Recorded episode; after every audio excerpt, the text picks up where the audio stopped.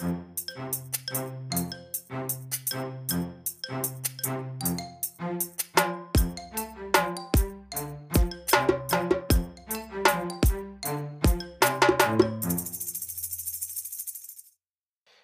välkomna tillbaka till Stacken. Jag, Daniel Gustafsson och Kim Hindart. Hubba. Idag Kim ska vi prata om ett white paper som har släppts ifrån University of College London. Eh, Oliver Patel och Dr. Nathan Lee har skrivit det och det är ett väldigt, väldigt bra white paper som jämför eller tar upp rättare sagt och diskuterar och jämför EUs datalagar, amerikanska datalagar och en Brexit och framtiden av transatlantiskt dataflöde om man ska översätta det till svenska. Vi kommer naturligtvis länka det här avsnittet så att ni kan läsa eh, om ni vill och känner för det hela eh, white paperet, vitpappret. Det är ett väldigt, väldigt bra och det är ett väldigt stort eh, dokument som de har släppt, men de har gjort en väldigt, vad jag tycker i alla fall, enkel att förstå jämförelse, översättning om vad som skiljer EUs datalagar och amerikanska datalagar och hur de står i förhållande till varandra. Och vi tänkte lägga krutet på just den jämförelsen i det här avsnittet, för det är ett stort dokument, vi hinner inte läsa igenom allting, men vi tänkte just prata om jämförelsen där. Så att du Kim kan få börja. Eh, vad, vad, vart börjar vi med det här white paper? Vad är det relevant att ta upp? Ja, jag tänkte vi börjar väl med också för er som inte kanske hänger med, liksom att University College London, det är alltså London University hette de tidigare. Mm. Och det är då det största universitetet i London i Storbritannien, så det är ändå ett, ja. Det är en stor skola. Det är en ganska, stor, det är en ganska stor skola och ganska känd skola och eh, deras eh, EU-forskning är en av de största ja, forskningarna inom hela EU och mm. lagar och regler. Så att eh, det är en väldigt... Ja. ja. det är en väldigt trovärdig källa i ämnet om man säger så. De har släppt andra papper tidigare och haft, varit, varit eh, högt involverade eller högst involverade i diskussioner runt EUs datalagar och utveckling av dessa. Så att det är en väldigt trovärdig källa för vad det gäller kunskap om just eh, GDPR och europeiska datalagar. Och för att ge er då en snabb, för er som inte orkar läsa det här, vilket ni borde titta i papp, pappret för det är väldigt bra. Men generellt sett, vi kan hoppa till det som är sidan 7 i pappret som gör en jämförelse mellan amerikanska Data Protection Systems och EU Data Protection Systems. Och lite om just hur man ser på privacy och hur det tillämpas lagmässigt. För det här är ju en het potatis. Det har varit väldigt mycket tal och snack och diskussioner om just eh, transatlantisk data och hur vi flödar och ja, vi har ju belyst det här ämnet om och om igen. Att dataflöden vill ju vara fria för att vi måste, vi lever i en global värld. Mm. Och data idag flyttar sig. Eh, ja, låt oss inse, internet är globalt. Mm. Så data flyttar sig. Men då har vi ju problemet här då, så att säga, som sagt att vad är då eh, de olika fund fundamentala skillnaderna i de olika sakerna? Och här är det ju så, så att om man tittar på listan bara just en jämförelse. US Data Privacy System, No Constitutional Right to Data Privacy. Och EU då. Mm. Privacy and Data Protection are fundamental rights in EU law. Mm. Vi kan börja där. Ja. Shit, det är ett stort topic att börja med. Men ja. och det, det är egentligen sätter de två, den första översta där, det sätter egentligen ramen för vårt, det problem vi har inom i vår värld just nu vad det gäller just internationell data transfer, det är att vi ser så fundamentalt olika på vad rättigheten för ens data protection och dataskyddet ska vara. Precis som det står, i USA så är det inte en konstitutionell rätt och inom EU så anser vi att det är en fundamental rättighet inom EUs lagverk. Mm till och med en mänsklig rättighet. Till och med en mänsklig rättighet, jämförbart med, med att eh, få, få gå i skolan, att få, få mat på bordet, att, eh, att inte bli, bli jagad av, av poliser runt om i världen. Det har ju också USA problem med. Eh, exakt, eh, och förtryck och allt vad det är för någonting. Det, det här är, det är ett jättegap. Och det innebär ju också att USA kontra EU har väldigt olika syn på hur och vad som är okej okay att göra gentemot någons, någons eh, individuella, alltså individs information vad det gäller data. Och här måste vi vara extremt noga med som gör det extra komplext. Att vill man titta på hur, vad som händer så måste man titta på även delstatsnivå, varje enskild delstat. Mm. Just det. Eftersom det inte är en konstitutionell rättighet så kan ju delstaterna sätta att i vår lag så är det här en fundamental rättighet. Kalifornien har infört ett Consumer Data Protection-program Mm. som väldigt mycket reflekterar EUs värdering och standard. Precis. Men med det sagt så måste man vara beredd på också då att om federal government vill gå in så kan de overrula Kaliforniens Mm. lagar där också. Så att ja, man står alltid i klammer där så att säga. Så det, men grunden att komma ihåg att vi, det här ser EU och USA väldigt olika på. ja, och sen då så att säga. Nästa steg i sammanhanget, ja, för vi kan vara fast i det fundamentala och diskutera liksom grundlagsskydd hur länge som helst. Men nästa steg då, self-regulation and laissez-faire. Och nu vet jag att jag slaktade det franska. Sorry, jag hade tyska i skolan. Så jag kan inte uttala det rätt. Approach favored i alla fall. Men med, med det menas alltså att eh, när det gäller data privacy så förordar amerikanska systemet självreglering, det vill säga man kommer överens i Mm. olika rättsinstanser, man kommer överens i rättsprocesser, det vill säga du har prejudicerande processer, hela amerikanska lagsystemet bygger på att man möts i rätten och sen så gör man en överenskommelse där och så blir det prejudicerande till nästa fall och till Mm. nästa fall. Så att det finns ingen universell satt reg reglering, re re eh, det finns inget gemensamt regulatory system för det här, Nej. utan det är case by case. Ja. Och att parterna sinsemellan är överens är det man Eh, förordar här då, det vill säga avtal mellan olika parter helt enkelt. Och det är ju, EU har ju regulations, legislation and market intervention favored. Det vill säga, ja, nej, du sätter ett bestämt regelverk och sätter en kontrollmyndighet och ger kontrollmyndigheten auktoritet att säga att det här är rätt, det här är fel.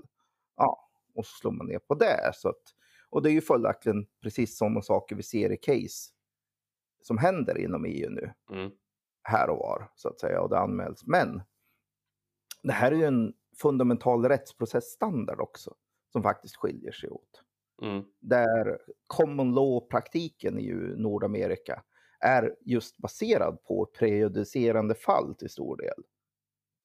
Och det är inte så att avtalsrätt i USA finns det väldigt lite som regleras uppifrån från myndigheter. Och majoriteten regleras i form av att du just du skriver avtal och sen så blir de utmanade rättsligt. Mm. Och så skapas det rättsfall och sen så skriver du nya avtal och så skapas det där. Så att det finns ingen centralt reglerande myndighet. Och framförallt då för att vara tydlig. Alla europeiska länder har någon form av Data Protection Agency. Datainspektionen heter de hos oss till exempel. Exakt. Men det finns ingen datainspektion i USA. Nej, precis. Nej, det är också en jättestor skillnad. Det finns inte ett centralt eh, myndighetsverk som, som agerar ja, kontrollnämnd, utan varje delstat och i princip varje, varje, eh, varje rättsfall är sitt egna unika bedömning på i stort sett. Och det, då är det upp till rättsinstansen, det vill säga domarna som sitter där och liksom att göra avgörande. Eh, och det vet jag att vi kan länka till tidigare case där vi har pratat just om det civilrättsliga problemet i Mm. USA Mm. och där. Men det här då, ja, det sätter ju sina intressanta, liksom, intressanta problem med just det finns ingen kontrollregelverk att, bli, att falla tillbaka på. Och då om man tittar på vilken myndighet i USA är det som ansvarar då för Privacy Shield, som är ändå överenskommelsen i EU och Nordamerika som existerar idag, för just att säkerställa. Mm. Jo, det är handelskammaren. Ja. Det är amerikanska handelsdepartementet som ansvarar för det. Mm. Så att det är tydligt, det här är i USA en ren trade-fråga Ja, och ingenting annat. nej. Det är, det är en ren avtalsfråga. Det är någonting som är stökigt som de här fåniga européerna har krav på. Mm. Som vi ska bara rätta oss efter. Men ja. Och då är det så att det är inte så att USA totalt saknar kontrollverksamhet heller. Nej.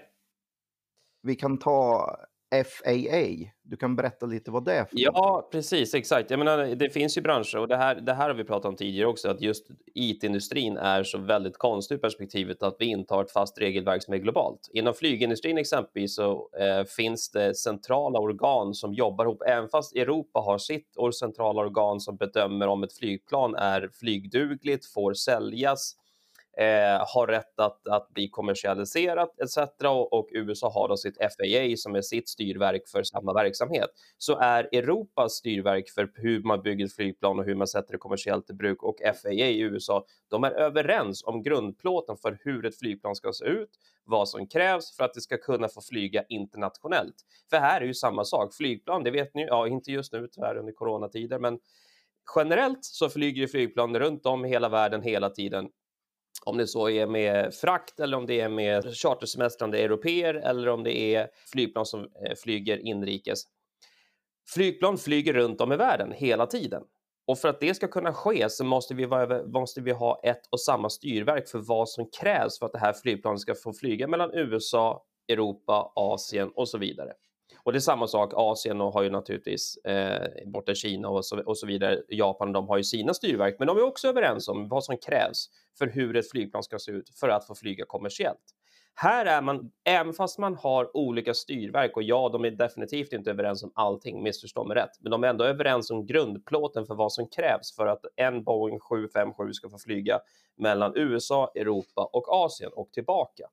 Och det går att direkt översätta till ett mejl som hoppar mellan Sverige, USA och Asien eller någon plattform som vi ska använda oavsett om det är Office 365 eller Google Apps eller vad det nu är för någonting. Det är direkt jämförbart. Kruxet med vår dataindustri är att vi är inte överens om, om data transfer perspektivet. Och framför allt de är inte rädda att gå in och reglera. Nej, inte alls. De är jättehårda och det är egentligen det som är den största grejen. De kan slå ner med enorm kraft och säga att om vi har ett strålande exempel just nu. Jag vet inte hur mycket ni, flyger, eh, hur mycket ni, eh, ni följer flygindustrin. Jag är jätteintresserad, så, men, men eh, Boeing har just nu en modell som heter 7, eh, 7378 Max, kanske ni har hört talas om eh, som är grounded, den står still, får inte flyga, har inte fått göra nu över, det, ja, vi börjar pressa ett år snart. Du vet, den, den gick i backen ett par gånger och sen så hittar man massa, ett centralt fel. Ett nytt flygplan som bara hit, man hittar ett, ett centralt fel som Boeing inte har kunnat fixa till och det innebär att FAA går in och säger den här maskinen är grounded, får inte flyga tills dess att vi har bedömt den flygduglig. Och det är stenhårt. Det finns inget if, and ifs or buts runt det, utan det är bara att acceptera att det här kommer inte att, att, att ske tills dess att vi har rättat till felet, tills dess att vi har fått vår produkt, i det här fallet ett flygplan, att följa regelverket som FAA har sagt eh, måste uppfyllas för att få flyga Tills dess så står flygplanet still. Det spelar ingen roll hur mycket Boeing skriker, tycker att det är hemskt och fruktansvärt. De får inte flyga det flygplanet med, med deras carrier som då har köpt maskinerna. Exempelvis eh, Norwegian vart ju jättehårt drabbat av det exempelvis här i Skandinavien. Så att det är ett det är ett hårt bedömande organ med fasta regelverk och om du inte uppfyller det så får du inte göra verksamhet. Och det här är den generella attityden med USAs FAA, Europas motsvarighet, Asiens motsvarighet av, av, eh, av eh, eh, flygorgan. De har samma attityd, samma sak i Europa. Om, om, om europeiska organ skulle hitta någonting, exempelvis hos en Airbus-maskin nere i Frankrike och säga att det här duger inte, då får inte den flyga heller, vilket har hänt vid tidigare tillfällen. Så att det finns ett fast regelverk och de är stenhårda i sin bedömning och om du inte uppfyller kravet, då får du inte sälja din produkt. Här skiljer vi oss från IT-branschen. Ja, och det är ju det här som EU vill införa nu angående data privacy, men som USA inte anser är en fråga för just reglering. exakt. Det är en intressant approach att titta ja, på. Det är det. Nej, vi fortsätter neråt listan tänkte jag. För att, jag vill bara säga att än så länge, vad, för alla saker vi går igenom nu så kommer ni höra en generell trend. USA och Europa är inte överens, för att vara tydlig. Men vi fortsätter neråt där. Ja, Data privacy laws and frameworks are fragmented and different in each state. Mm. Och, data, och jämfört med EU då som data privacy laws and frameworks are harmonized across EU member states. Japp. Och det här var ju en sån tydlig grej med GDPR. Och för att ge, ge en fairness, fram till 2016 så var det inte så i Europa Nej. heller för att vara tydlig. Nej, där hade vi ju alla våra enskilda, enskilda datalagar i varje land och de var ju inte i närheten. Vårt svenska personuppgiftslagen var ju inte jämförbar med exempelvis Tysklands BSI och så vidare. Mm, nej, så jag menar, det var ett direktiv från EU. Ja, men det var upp till varje land att enskilt tolka om det direktivet och göra om Yes. det. Och då kan jag ju säga att Sverige, vi var ju en extrem outlier och shit vad vi butchade den hela idén Ja, i Sverige. den vart ju Vilket- ingenting.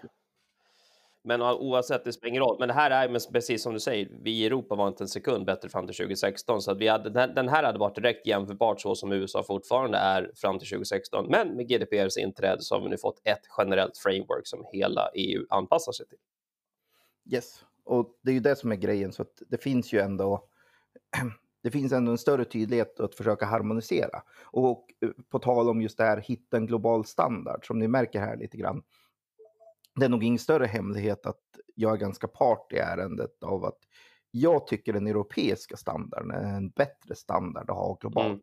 än den amerikanska. Håller med. Så att eh, det är lite där. Så det är ju ingen hemlighet. Och därför menar jag att är det någon som faktiskt har en rimlig möjlighet att sätta en global standard och få till en fungerande global standard så är det ändå EU. Mm. Därför att det är så fundamentalt skilda kulturer inom Europa. Och för med USA som tycker att delstaterna är skilda kulturer, vilket jag ska ge poäng, det är de. Det är inte ett homogent land, det ska man glöm, inte glömma Mm. bort. Men de har ändå en gemensam valuta, de har ett gemensamt språk. Till att börja med och lite sådana här saker. Så eh, Europa har en enormt fundamentalt skild kultur kan man bara Mm. säga. Men det finns ändå vissa grundläggande värderingar man kan enas Mm. om. Som den här GDPR. Och är det någon som ändå har byråkratin och ändå det globala stödet bakom sig att faktiskt kunna sätta en global standard som kan fungera globalt och inte bara i Nordamerika och inte bara favorisera ett land före något annat så är det ändå EU. Och det är därför jag tror och hoppas på att det här kan vara den bästa vägen framåt för att få en sund fungerande global standard. För att vi kan väl alla vara överens om att vi vill inte att det är Kina som dikterar villkoren för data privacy heller. Nej, eh, nej, det vill vi inte. Och, men med det sagt så är Kina på stark frammarsch och börjar diktera villkor i andra branscher också. De, exempelvis inom mediebranschen så är de väldigt eh, på om att börja sätta regler för hur andra länder ska göra, bedöma sin censur exempelvis. Så att det har ju börjat ske ett paradigmskifte där också. Men just vad gäller vår data transfer, nej, vi vill nog kanske sätta vårt regelverk som gäller för Europa och förhoppningsvis så kan vi få, få liknande regelverk att se ungefär likadan ut globalt. Annars så fastnar vi i den här äh, fällan att vi inte vi, vi har inte samma spelregler eh, oavsett beroende på vilken kontinent vi ska försöka eh, verka. Ska vi gå vidare då och säga att nästa kapitel pratar om No comprehens- Comprehensive Federal Data Privacy Law covering all economic sectors i USA. Och sen så i Europa då, the GDPR is comprehensive and covers all economic Mm. sectors. Och här får man ändå säga själv att det finns inga undantag i GDPR.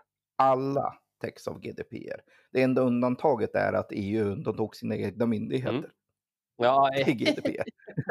Ja, Okej, så för, för, er som då inte är riktigt införstådda i det. Lagen gäller hela EU förutom EU själv. Och dess kompisar. Skulle man kunna fritt översätta det till. Man har gjort lite undantag för sig själv i vad, vad gör lagen gäller. Men för alla medlemsstater, för oss alla, alla va- vanliga dödliga, så gäller lagen. Mm. Ja, ja. Nej, men, men med det sagt då tillbaks till USA. Det är ju handelskammaren, alltså Federal, Federal Trade Commission, Mm. som är den som enforcar Privacy Shield. Ja. Men Privacy Shield gäller ju bara bolag som registrerar sig för Privacy Shield. ja, just det. Och för att vara väldigt, väldigt tydlig här, och det här är ju det som utmanas nu hårt. Federal Government tar sig all rätt att köra över Privacy Shield när de känner för Mm. det.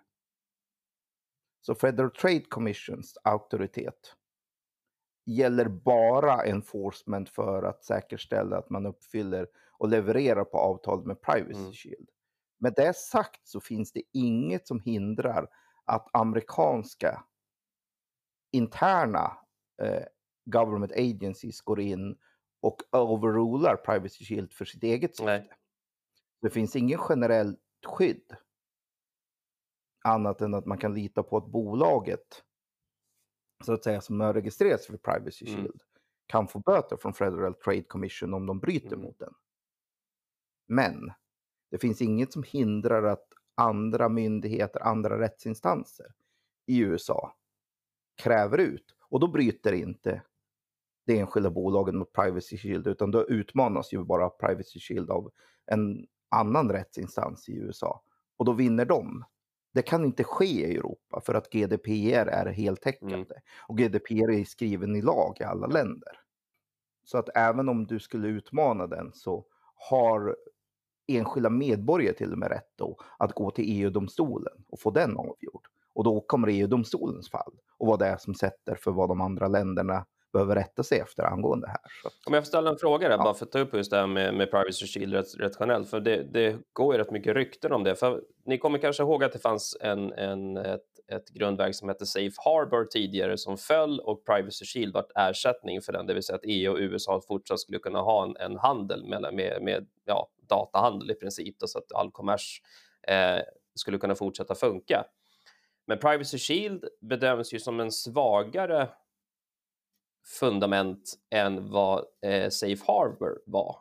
Hur ser vi på framtiden för Privacy Shield? För den har varit ganska ifrågasatt. ja, låt oss vara tydliga med att alla stora kännare, alla stora experter förutspår nu när, eh, ja, det är ju, det är ju, det, ordningen går, för att förklara lite, ordningen går ju att man lämnar in complaint till Irland därför att de stora hyperscalers, de stora molnbolagen, har sitt europeiska säte i Irland.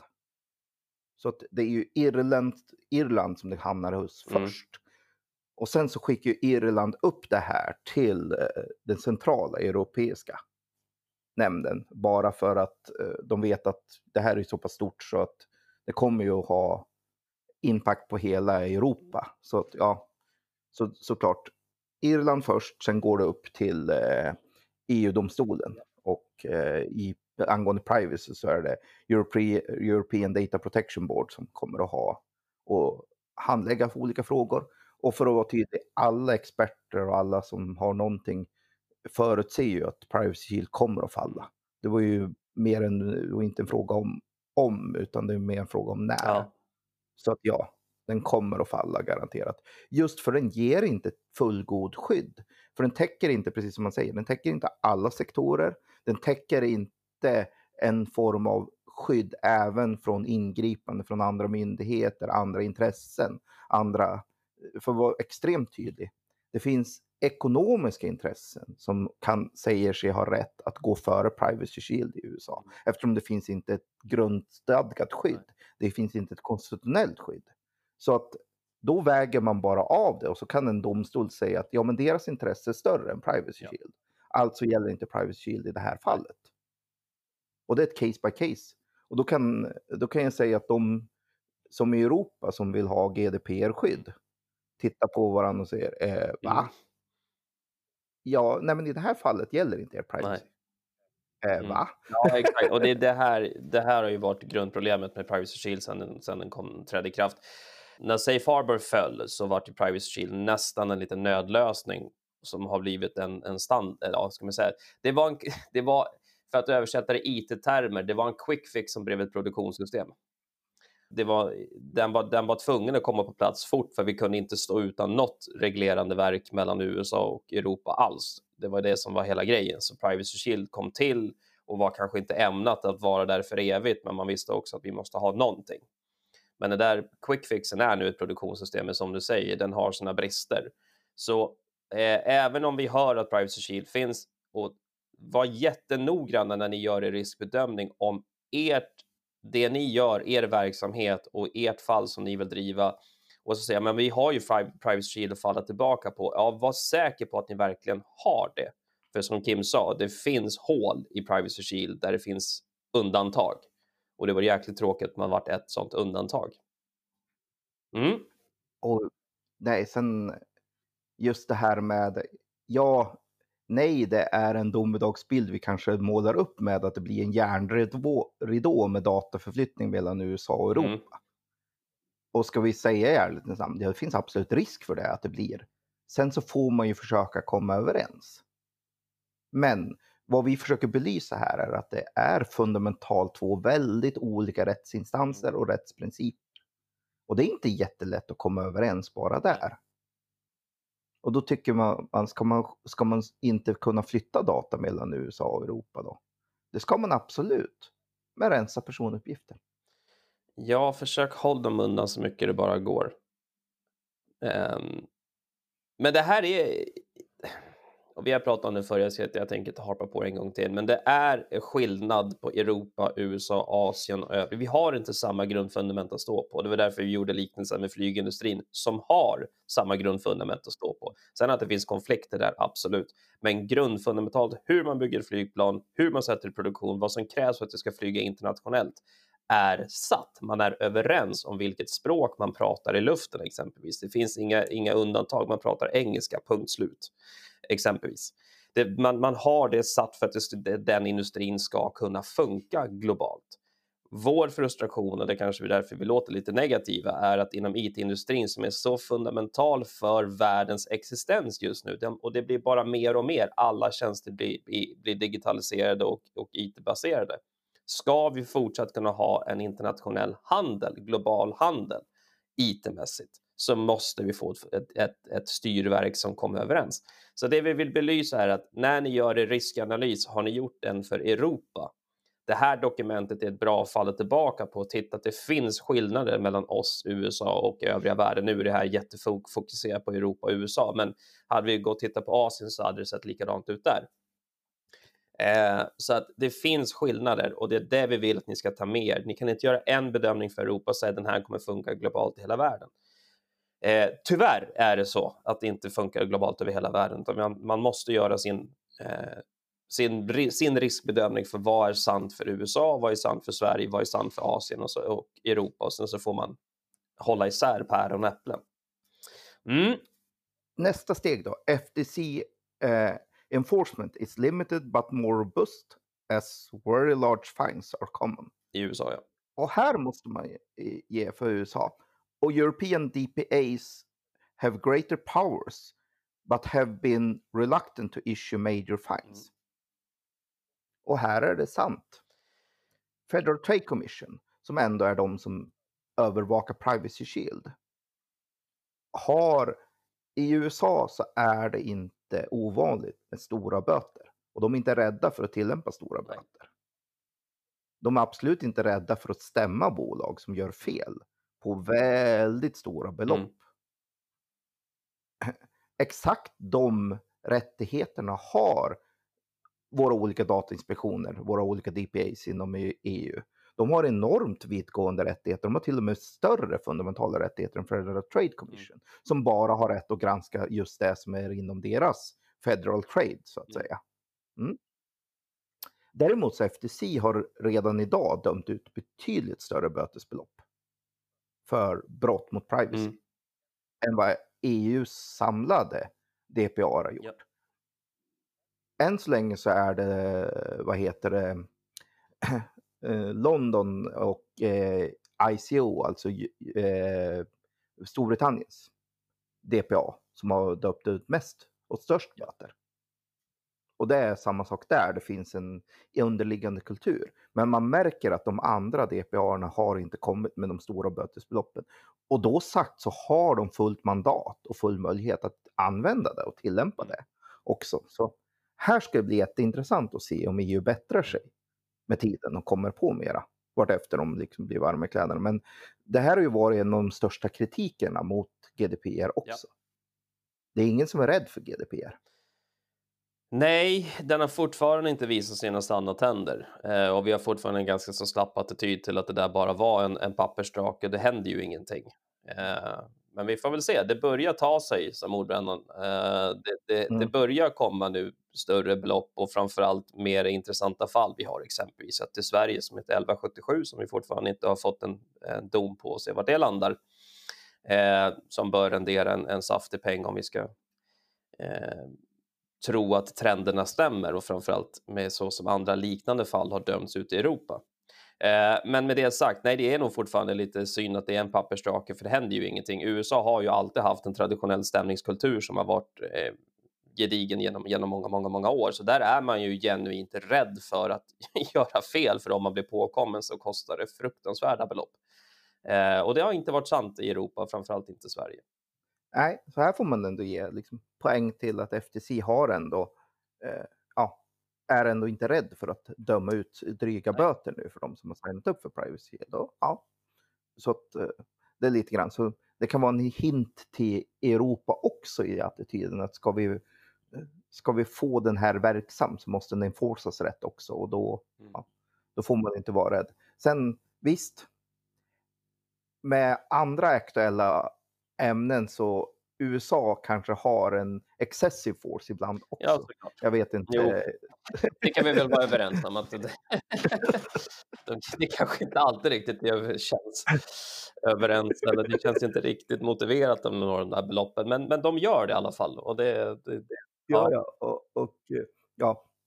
Men som vi märker olika kulturfundament och ja, för inte relatera till någonting helt orelaterat som händer i världen om excessive force. Så, ja, ja. precis. och USA. Ja. Så. Och det pågår en diskussion där borta kan vi väl lätt säga just nu att just excessive force är ett problem. Sista rutan här då. Organizations can process personal data by default i USA. Och sen i Europa så organizations can only process personal data if they have a lawful basis. Yes. Och det här är också en fundamental rätt. Att det är olagligt att hantera personuppgifter. Det är olagligt att ens bara hantera och fråga efter personuppgifter. Om du inte har en ordentlig laglig bas för att göra mm. det. EU det var ju det här som var hela grejen. Per fundament så är det olagligt för, för någon form av företag mm. att ens bara registrera eller hantera personuppgifter överhuvudtaget. Och eftersom det är ett default state i USA överallt, ta tracking, cookies, ta användaranalys, ta just det här.